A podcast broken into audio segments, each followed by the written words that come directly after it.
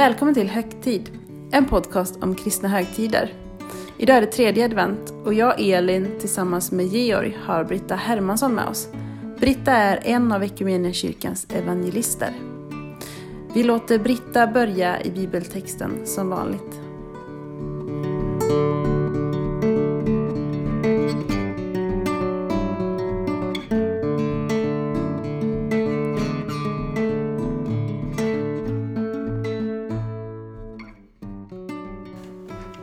Tredje advent och jag ska läsa från Matteus evangeliet 11. Från den andra till den elfte versen. Dagens evangelietext. Johannes fick i sitt fängelse höra om Kristi gärningar och han skickade några av sina lärjungar för att fråga honom Är du den som ska komma eller ska vi vänta på någon annan? Jesus svarade dem, Gå och berätta för Johannes vad ni hör och ser. Att blinda ser och lama går, spetälska blir rena och döva hör. Döda står upp och fattiga får ett glädjebud. Salig är den som inte kommer på fall för min skull. När de hade gått började Jesus tala till folket om Johannes. Vad gick ni ut i öknen för att se? Ett strå som vajar för vinden? Nej. Vad gick ni då ut för att se? En man i fina kläder? Men de som bär fina kläder finns i kungapalatsen. Vad gick ni då ut för att se? En profet? Ja, och jag säger er en som är mer än profet. Det är om honom det står skrivet Se, jag sänder min budbärare före dig. Han ska bereda vägen för dig. Sannerligen ingen av kvinna född har trätt fram som är större än Johannes döparen. Men den minste i himmelriket är större än han.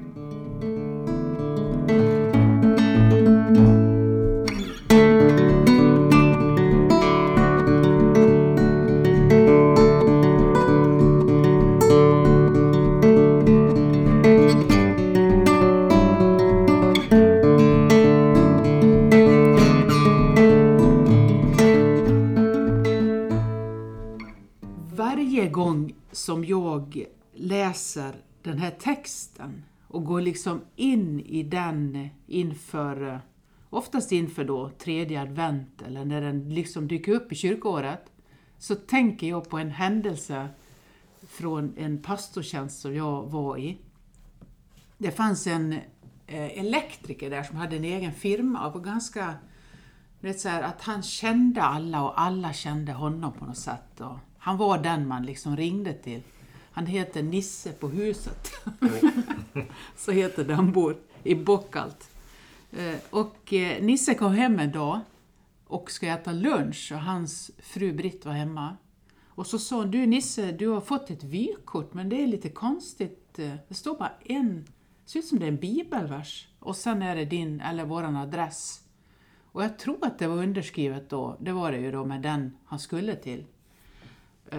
Och så sa ja då får du väl hämta bibeln och läsa, sa han medan han åt sin lunch då och så ska han vidare med sina uppdrag. Och då slog Britt upp och så läste hon Är du den som ska komma?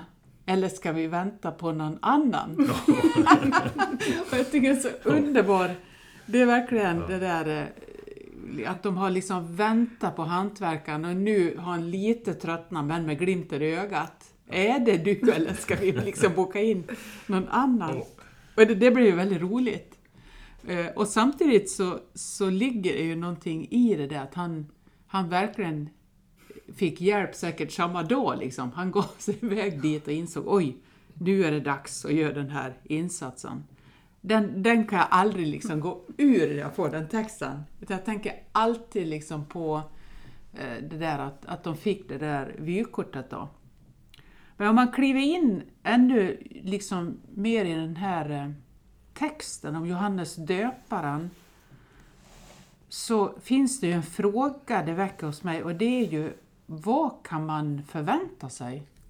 Han har predikat evangeliet, han har på ett väldigt udda, han är ju, man skulle säga apart, väldigt speciell och eh, det är ju det Jesus också ser när han, när han liksom säger vad var det ni förväntade vad, vad trodde ni att ni skulle få se?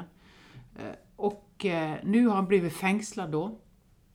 Eh, och nu sitter Johannes döparen i fängelse och så hör han rykten om Jesus och vad som händer runt omkring honom. Och då tycker jag att det är en sån otrolig tröst att till och med Johannes blir osäker. Nu när han själv har blivit fängslad så sitter han liksom en bit ifrån händelsernas centrum. När man placeras en bit ifrån det som verkligen händer så är det lätt att bli osäker och tänka, nej men vad, vad är detta? Var det verkligen på riktigt? Och det tror jag att vi ibland också kan känna när vi inte liksom är med om, om att det sker stora saker i våra kyrkor. Vi möts inte nu. Vi tänker, vad, vad, en del blir oroliga och säger, kommer vi att mötas sen? Eller har folk börjat spela golf? Liksom? Man, vill man inte vara med längre? Mm. Är detta verkligen värt alltihop? Man behöver vissa glimtar ibland som gör att vi påminner varandra. Detta är på riktigt. Men Johannes är osäker och då tänker jag att det är klart att vi också är det. Han har satsat allt på detta. Ända sedan han var barn så visste han på något sätt att han var utvald. Och nu sitter han där isolerad och då börjar han vackla. Jag tror att det är ganska många som sitter lite isolerade nu och så börjar man vackla i, i den tid vi lever och då kan en sån här text bli en väldig tröst. Jag skulle önska att jag kunde skriva ett vykort till alla mm. med bibelord detta och påminna liksom, är du den som ska komma eller ska vi vänta på någon annan? Att det är någonting med att, att ibland behöver vi repa mod. Eh, och eh, Johannes är en väldigt radikal profet och han får ett väldigt radikalt svar av Jesus. Detta händer, känner du igen det? Och det tror jag är en viktig eh, insikt, att påminna sig om vad är det som gör att jag känner igen Guds rike? Vad är det som betyder någonting för mig, som gör att, att jag genom tider tillbaks har varit med om någonting som gjorde, kanske att jag från början bestämde, jag vill vara en lärjunge. Jag vill bli en del av kyrkans verksamhet. Jag vill vara med och satsa för det som är Guds rike. Och så behöver vi liksom se tillbaks på det i en tid när vi är lite ja, isolerade från det och se vad var det som gjorde, vad var det jag kände igen då? Kan jag känna igen det på något sätt idag? Och då tänker jag att det är viktigt att ta rygg på någon eller något idag som gör att jag kan påminna mig om det är detta jag tror på, detta är det radikala som förändrar världen. Det är Guds rike mitt i, i mitt liv. Och vad är det då, eh, vad var det ni fick höra, vad var det ni fick se? Eh, vad är liksom påminnelsen? Sök tecken på det som är Guds rika. Och då tänker jag på, vad är, vem och vad förmedlar hopp? Var känner jag igen hoppet? Var får jag en tro på att det är möjligt? Eh, finns det någonting i det som jag tar in i mitt liv som skapa frihet? Eller är jag bara instängd? Var finns allt det som har med Guds rike att göra i en väldigt speciell tid? Kan jag upptäcka det? Vad är det som banar vägen för, för undran idag? Och då, då kanske det är ganska små saker i min vardag som någonstans ändå säger, jo men detta, detta är viktigt, detta ger hopp. Och jag, jag brukar ofta säga ett, ett kännetecken på att vi ser att Guds rike finns, att vi kan uppleva det. Hur ska jag veta att det jag, jag vill vara med och ge till till exempel? Det är väldigt mycket nu att vi, vi får, när vi inte fysiskt möts så kan vi ändå vara med till exempel i, i insamlingen till det internationella arbetet i vår kyrka. vad är det liksom jag behöver veta för att vilja det? Dels behöver jag veta tillbaka vad har jag varit med på för sådana insamlingar? Vad är det som kyrkan berättar för mig om vad som sker i världen? Hur ser jag det på TV? Vad är det jag känner igen? Och så tror jag att det är jätteviktigt då att lyssna in för sitt eget liv. Var finns hoppet? Och då är kanske den viktigaste nyckeln för mig. Är det någonting jag är med och satsar i, vill, längtar efter, som blir till välsignelse för någon annan? Alltså finns det någon efter min väg som blir berörd av det, som jag hjälper genom en kanske väldigt vardaglig insats eller ett större, en större satsning. Då tänker jag att det är ett kännetecken på Guds rike. Eh, och när den radikala Johannes bana sin väg så gjorde han det på ett så otroligt udda sätt. Eh, så att ibland tror jag att vi idag eh, eh, missar en del av Guds rike, för det finns så ofta i den minsta i det mest utsatta, i den som far illa. Och det ibland kan se ganska smutsigt ut eller udda eller den människan är jobbig och så kanske det är där Guds rike glimmar till och där kan jag kanske vara med och göra en insats. För det Jesus gör är ju att han, han påminner om och säger Johannes är större än en profet. Och så avslutar han med att säga, men den minste i himmelriket är större än han. Där känner vi igen Guds rike i de små. Och där kan jag också vara med och eh, bidra. Så, så tänker jag när jag går in i den här texten. Och så tänker jag på Nisse mm. och på vykortet. Och det är det där, när vi ibland säger, gör det du kan för att göra en annan människa glad.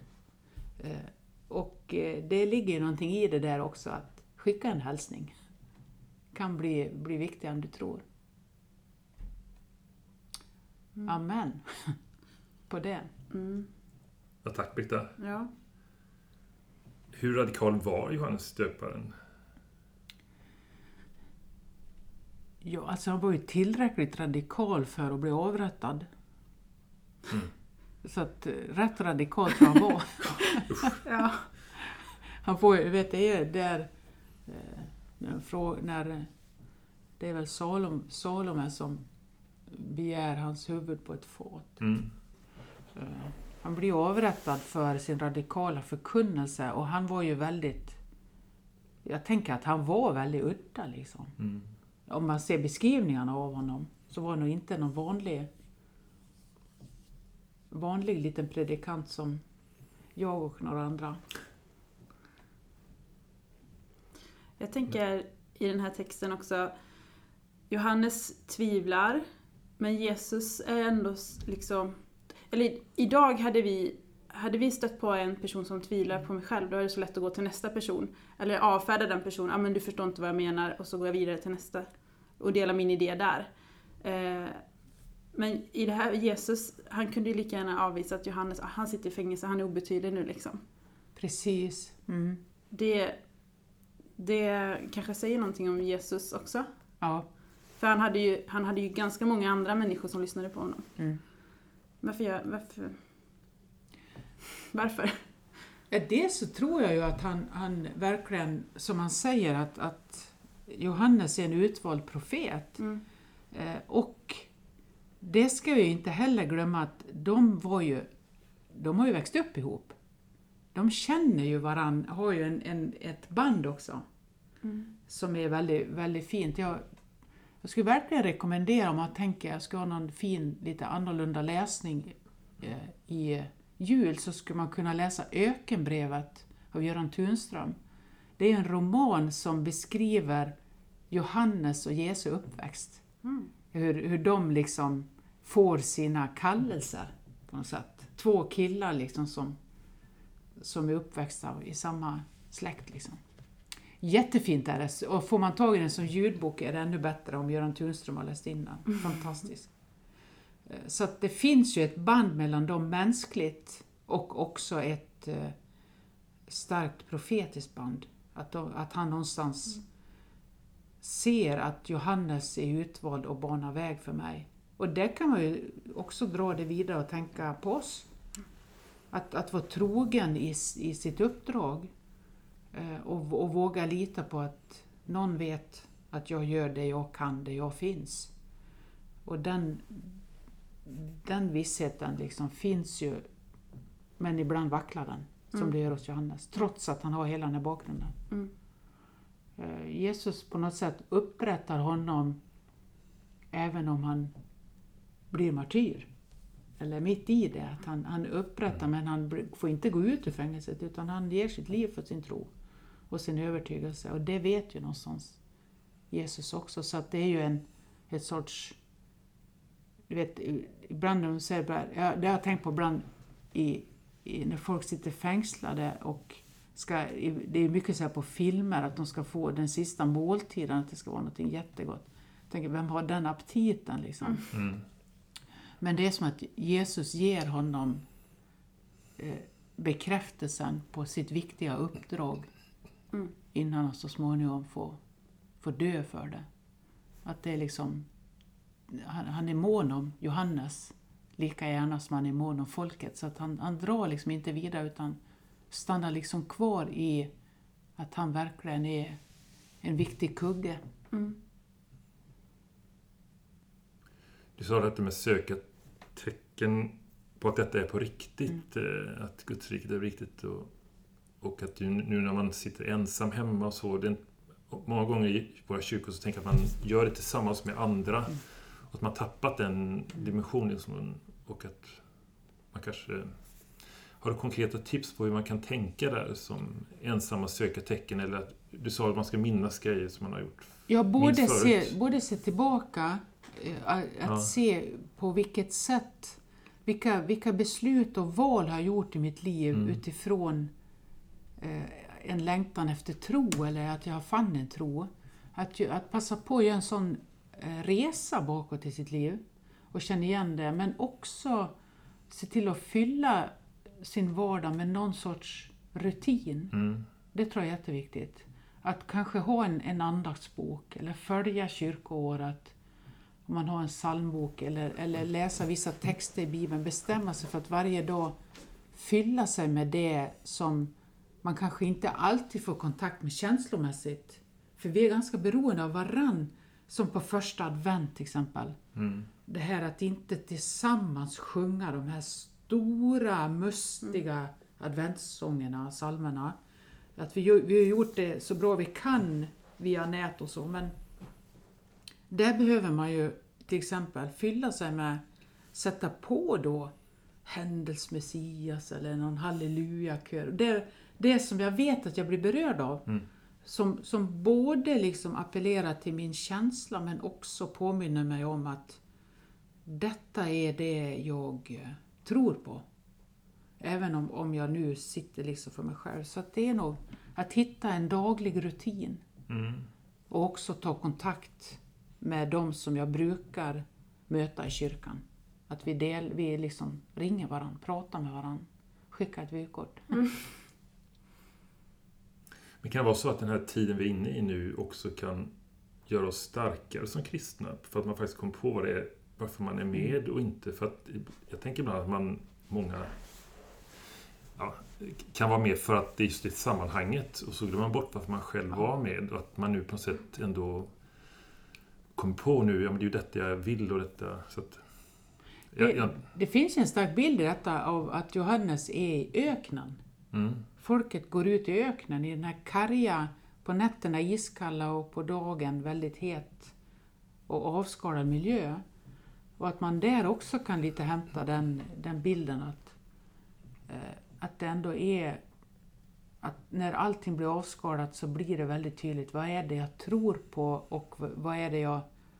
När vi ibland säger att vi längtar tillbaka, vi, vi, vi längtar förmodligen framåt mer. mm, Jag tror inte att det blir exakt lika, men det, det, det är någonting ur det här som nog kan också stärka oss och liksom sortera ut guldet på något mm, vis. ja, precis. Ja, men vi, vi lever ju på ett sätt en ganska isolerad tid.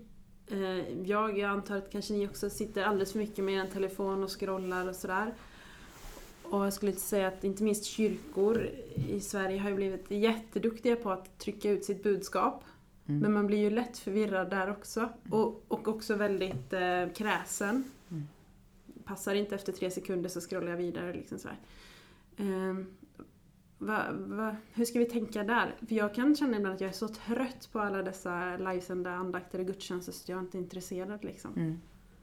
Att vi får vara tacksamma för den som lyssnar nu. Ja, exakt. Ja, För alla poddar och så Ja, Ja, men visst.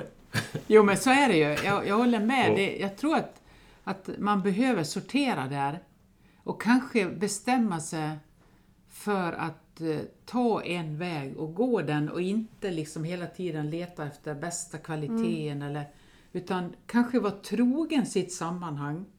Var noga med sitt offrande, sin kollekt, eh, när man nu kan swisha.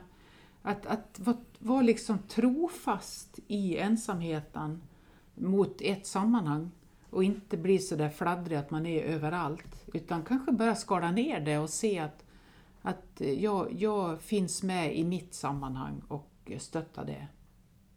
Och, och liksom följer det lite mer. Och sen är det ju på ett annat sätt så har vi haft en tid när vi verkligen har kunnat följt väldigt mycket i olika sammanhang som vi aldrig hade gjort när vi gick till vår gudstjänst på söndagen i vår egen församling.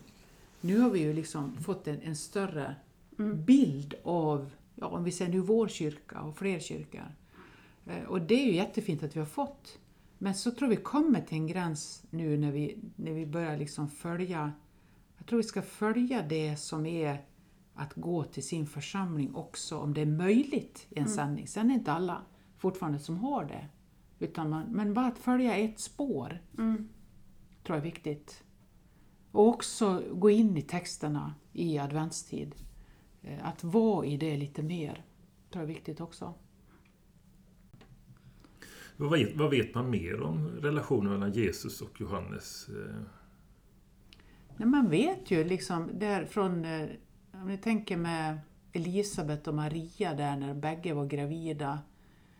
eh, Att Elisabet mötte ju, det vid Marie bebådelse som vi firar, så mötte ju hon den unga Maria, den unga släktingen.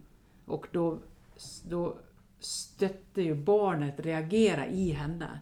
Den Mm. äldre Elisabet som trodde inte att hon kunde få något barn och det är ju Johannes döparen. Så när, när de möts, och det, det är ju en ganska kraftfull reaktion att, att det är liksom att barnet liksom vänder till, som när man liksom, åh, nu sparkar det. Väldigt kraftfullt i mötet med Maria som också då bär på Jesus. Så att det är ju egentligen deras första kontakt. En high five. Jaha. Ja, förstår du? De Ja. två fostrens eh, Ja. reaktion som, som tydligen var så stark att det var värt att liksom nämna. Eh, och sen att de har växt upp ihop, var släkt. Eh, som rent mänskligt sett då, kusiner tror jag att man kan säga. Jaha. Så de var ju väldigt Intressant. nära varandra. Mm. Och det är det Göran Tunström gör en roman om, för att vi vet ju inte så mycket om Jesu uppväxt. Nej. Mer än att vi ser miljön han växte upp i och, och eh, av det drar ut att så här kan det ha varit. Och där går ju han in och gör en egen berättelse i ökenbrevet av eh, de som är väldigt eh, vacker, Mm. otroligt vacker. Men det är ju en roman, men den är väldigt vacker. Så den eh, kan jag tipsa då Georg, att det kan vara din julläsning, ökenbrevet. Ja. Jag visste inte att de var kusiner. Jo, jag, jag tänker att de var nog, eller om de var de tre, men nej, men jag tror att de var kusiner. Åtminstone var de släkt med varandra. Ja. Hon går ju till sin äldre släkting Elisabet när hon är gravid, Mm. Maria. eh, Ja. I en Karem, där har jag varit. Det var fantastiskt utanför Jerusalem. Eh, Där, där, där de möts och där det här händer. Det finns ju sådana här fantastiska målningar av det. Så att de, de, det finns liksom en kontakt redan, ett, ett, ett släktskap i det mänskliga. Mm. Och sen liksom utvaldheten. Att de, de, de ger ju sin son tillbaks till Gud tackat i, i, eh, Sakarias i templet ger tillbaks sin son som tack för att hon blev gravid. Och hon, eller hon säger då, Elisabet, att, att eh, han ska vara utvald av Herren. Liksom. Eh, och gör med honom vad du vill ungefär. Och han får den här kallelsen. Så den finns ju med honom hela hans uppväxt. Och så Jesus från sin sida och sen deras vardag. Det är ju rätt, lite hisnande att tänka på. Mm. Och nu vet han att han ska dö för detta. Mm. För jag menar den frågan han ställer här, han måste ju levt med den frågan Mm. hela, under hela sitt liv. Ja. Egentligen. Är du Ja. den som ska komma? Ja, Jag tänker all, all, lek och bus som varit Ja. och som tonåringar och som tänker att... ja det är hisnande. Ja, det är en hisnande tanke tanke. faktiskt. Ja. Att då, då liksom, och, det är väl det där som menar med att man gör sin resa tillbaks ibland. Va? Vi, vi tittar tillbaks och förundras när åren går över vad som har skett i livet. Och där kan jag tänka att Johannes sitter fängslad väldigt dramatiskt. Han är på väg in i, i något otroligt dramatiskt. Och så kanske han ser tillbaks på de där du vet, barndomen och Mm. tonårstiden och dem. Mm. Och sen när liksom det börjar bli annorlunda för Jesus och så fick han gå in i sitt uppdrag och nu är det skarpt läge. Mm. Det är hisnande.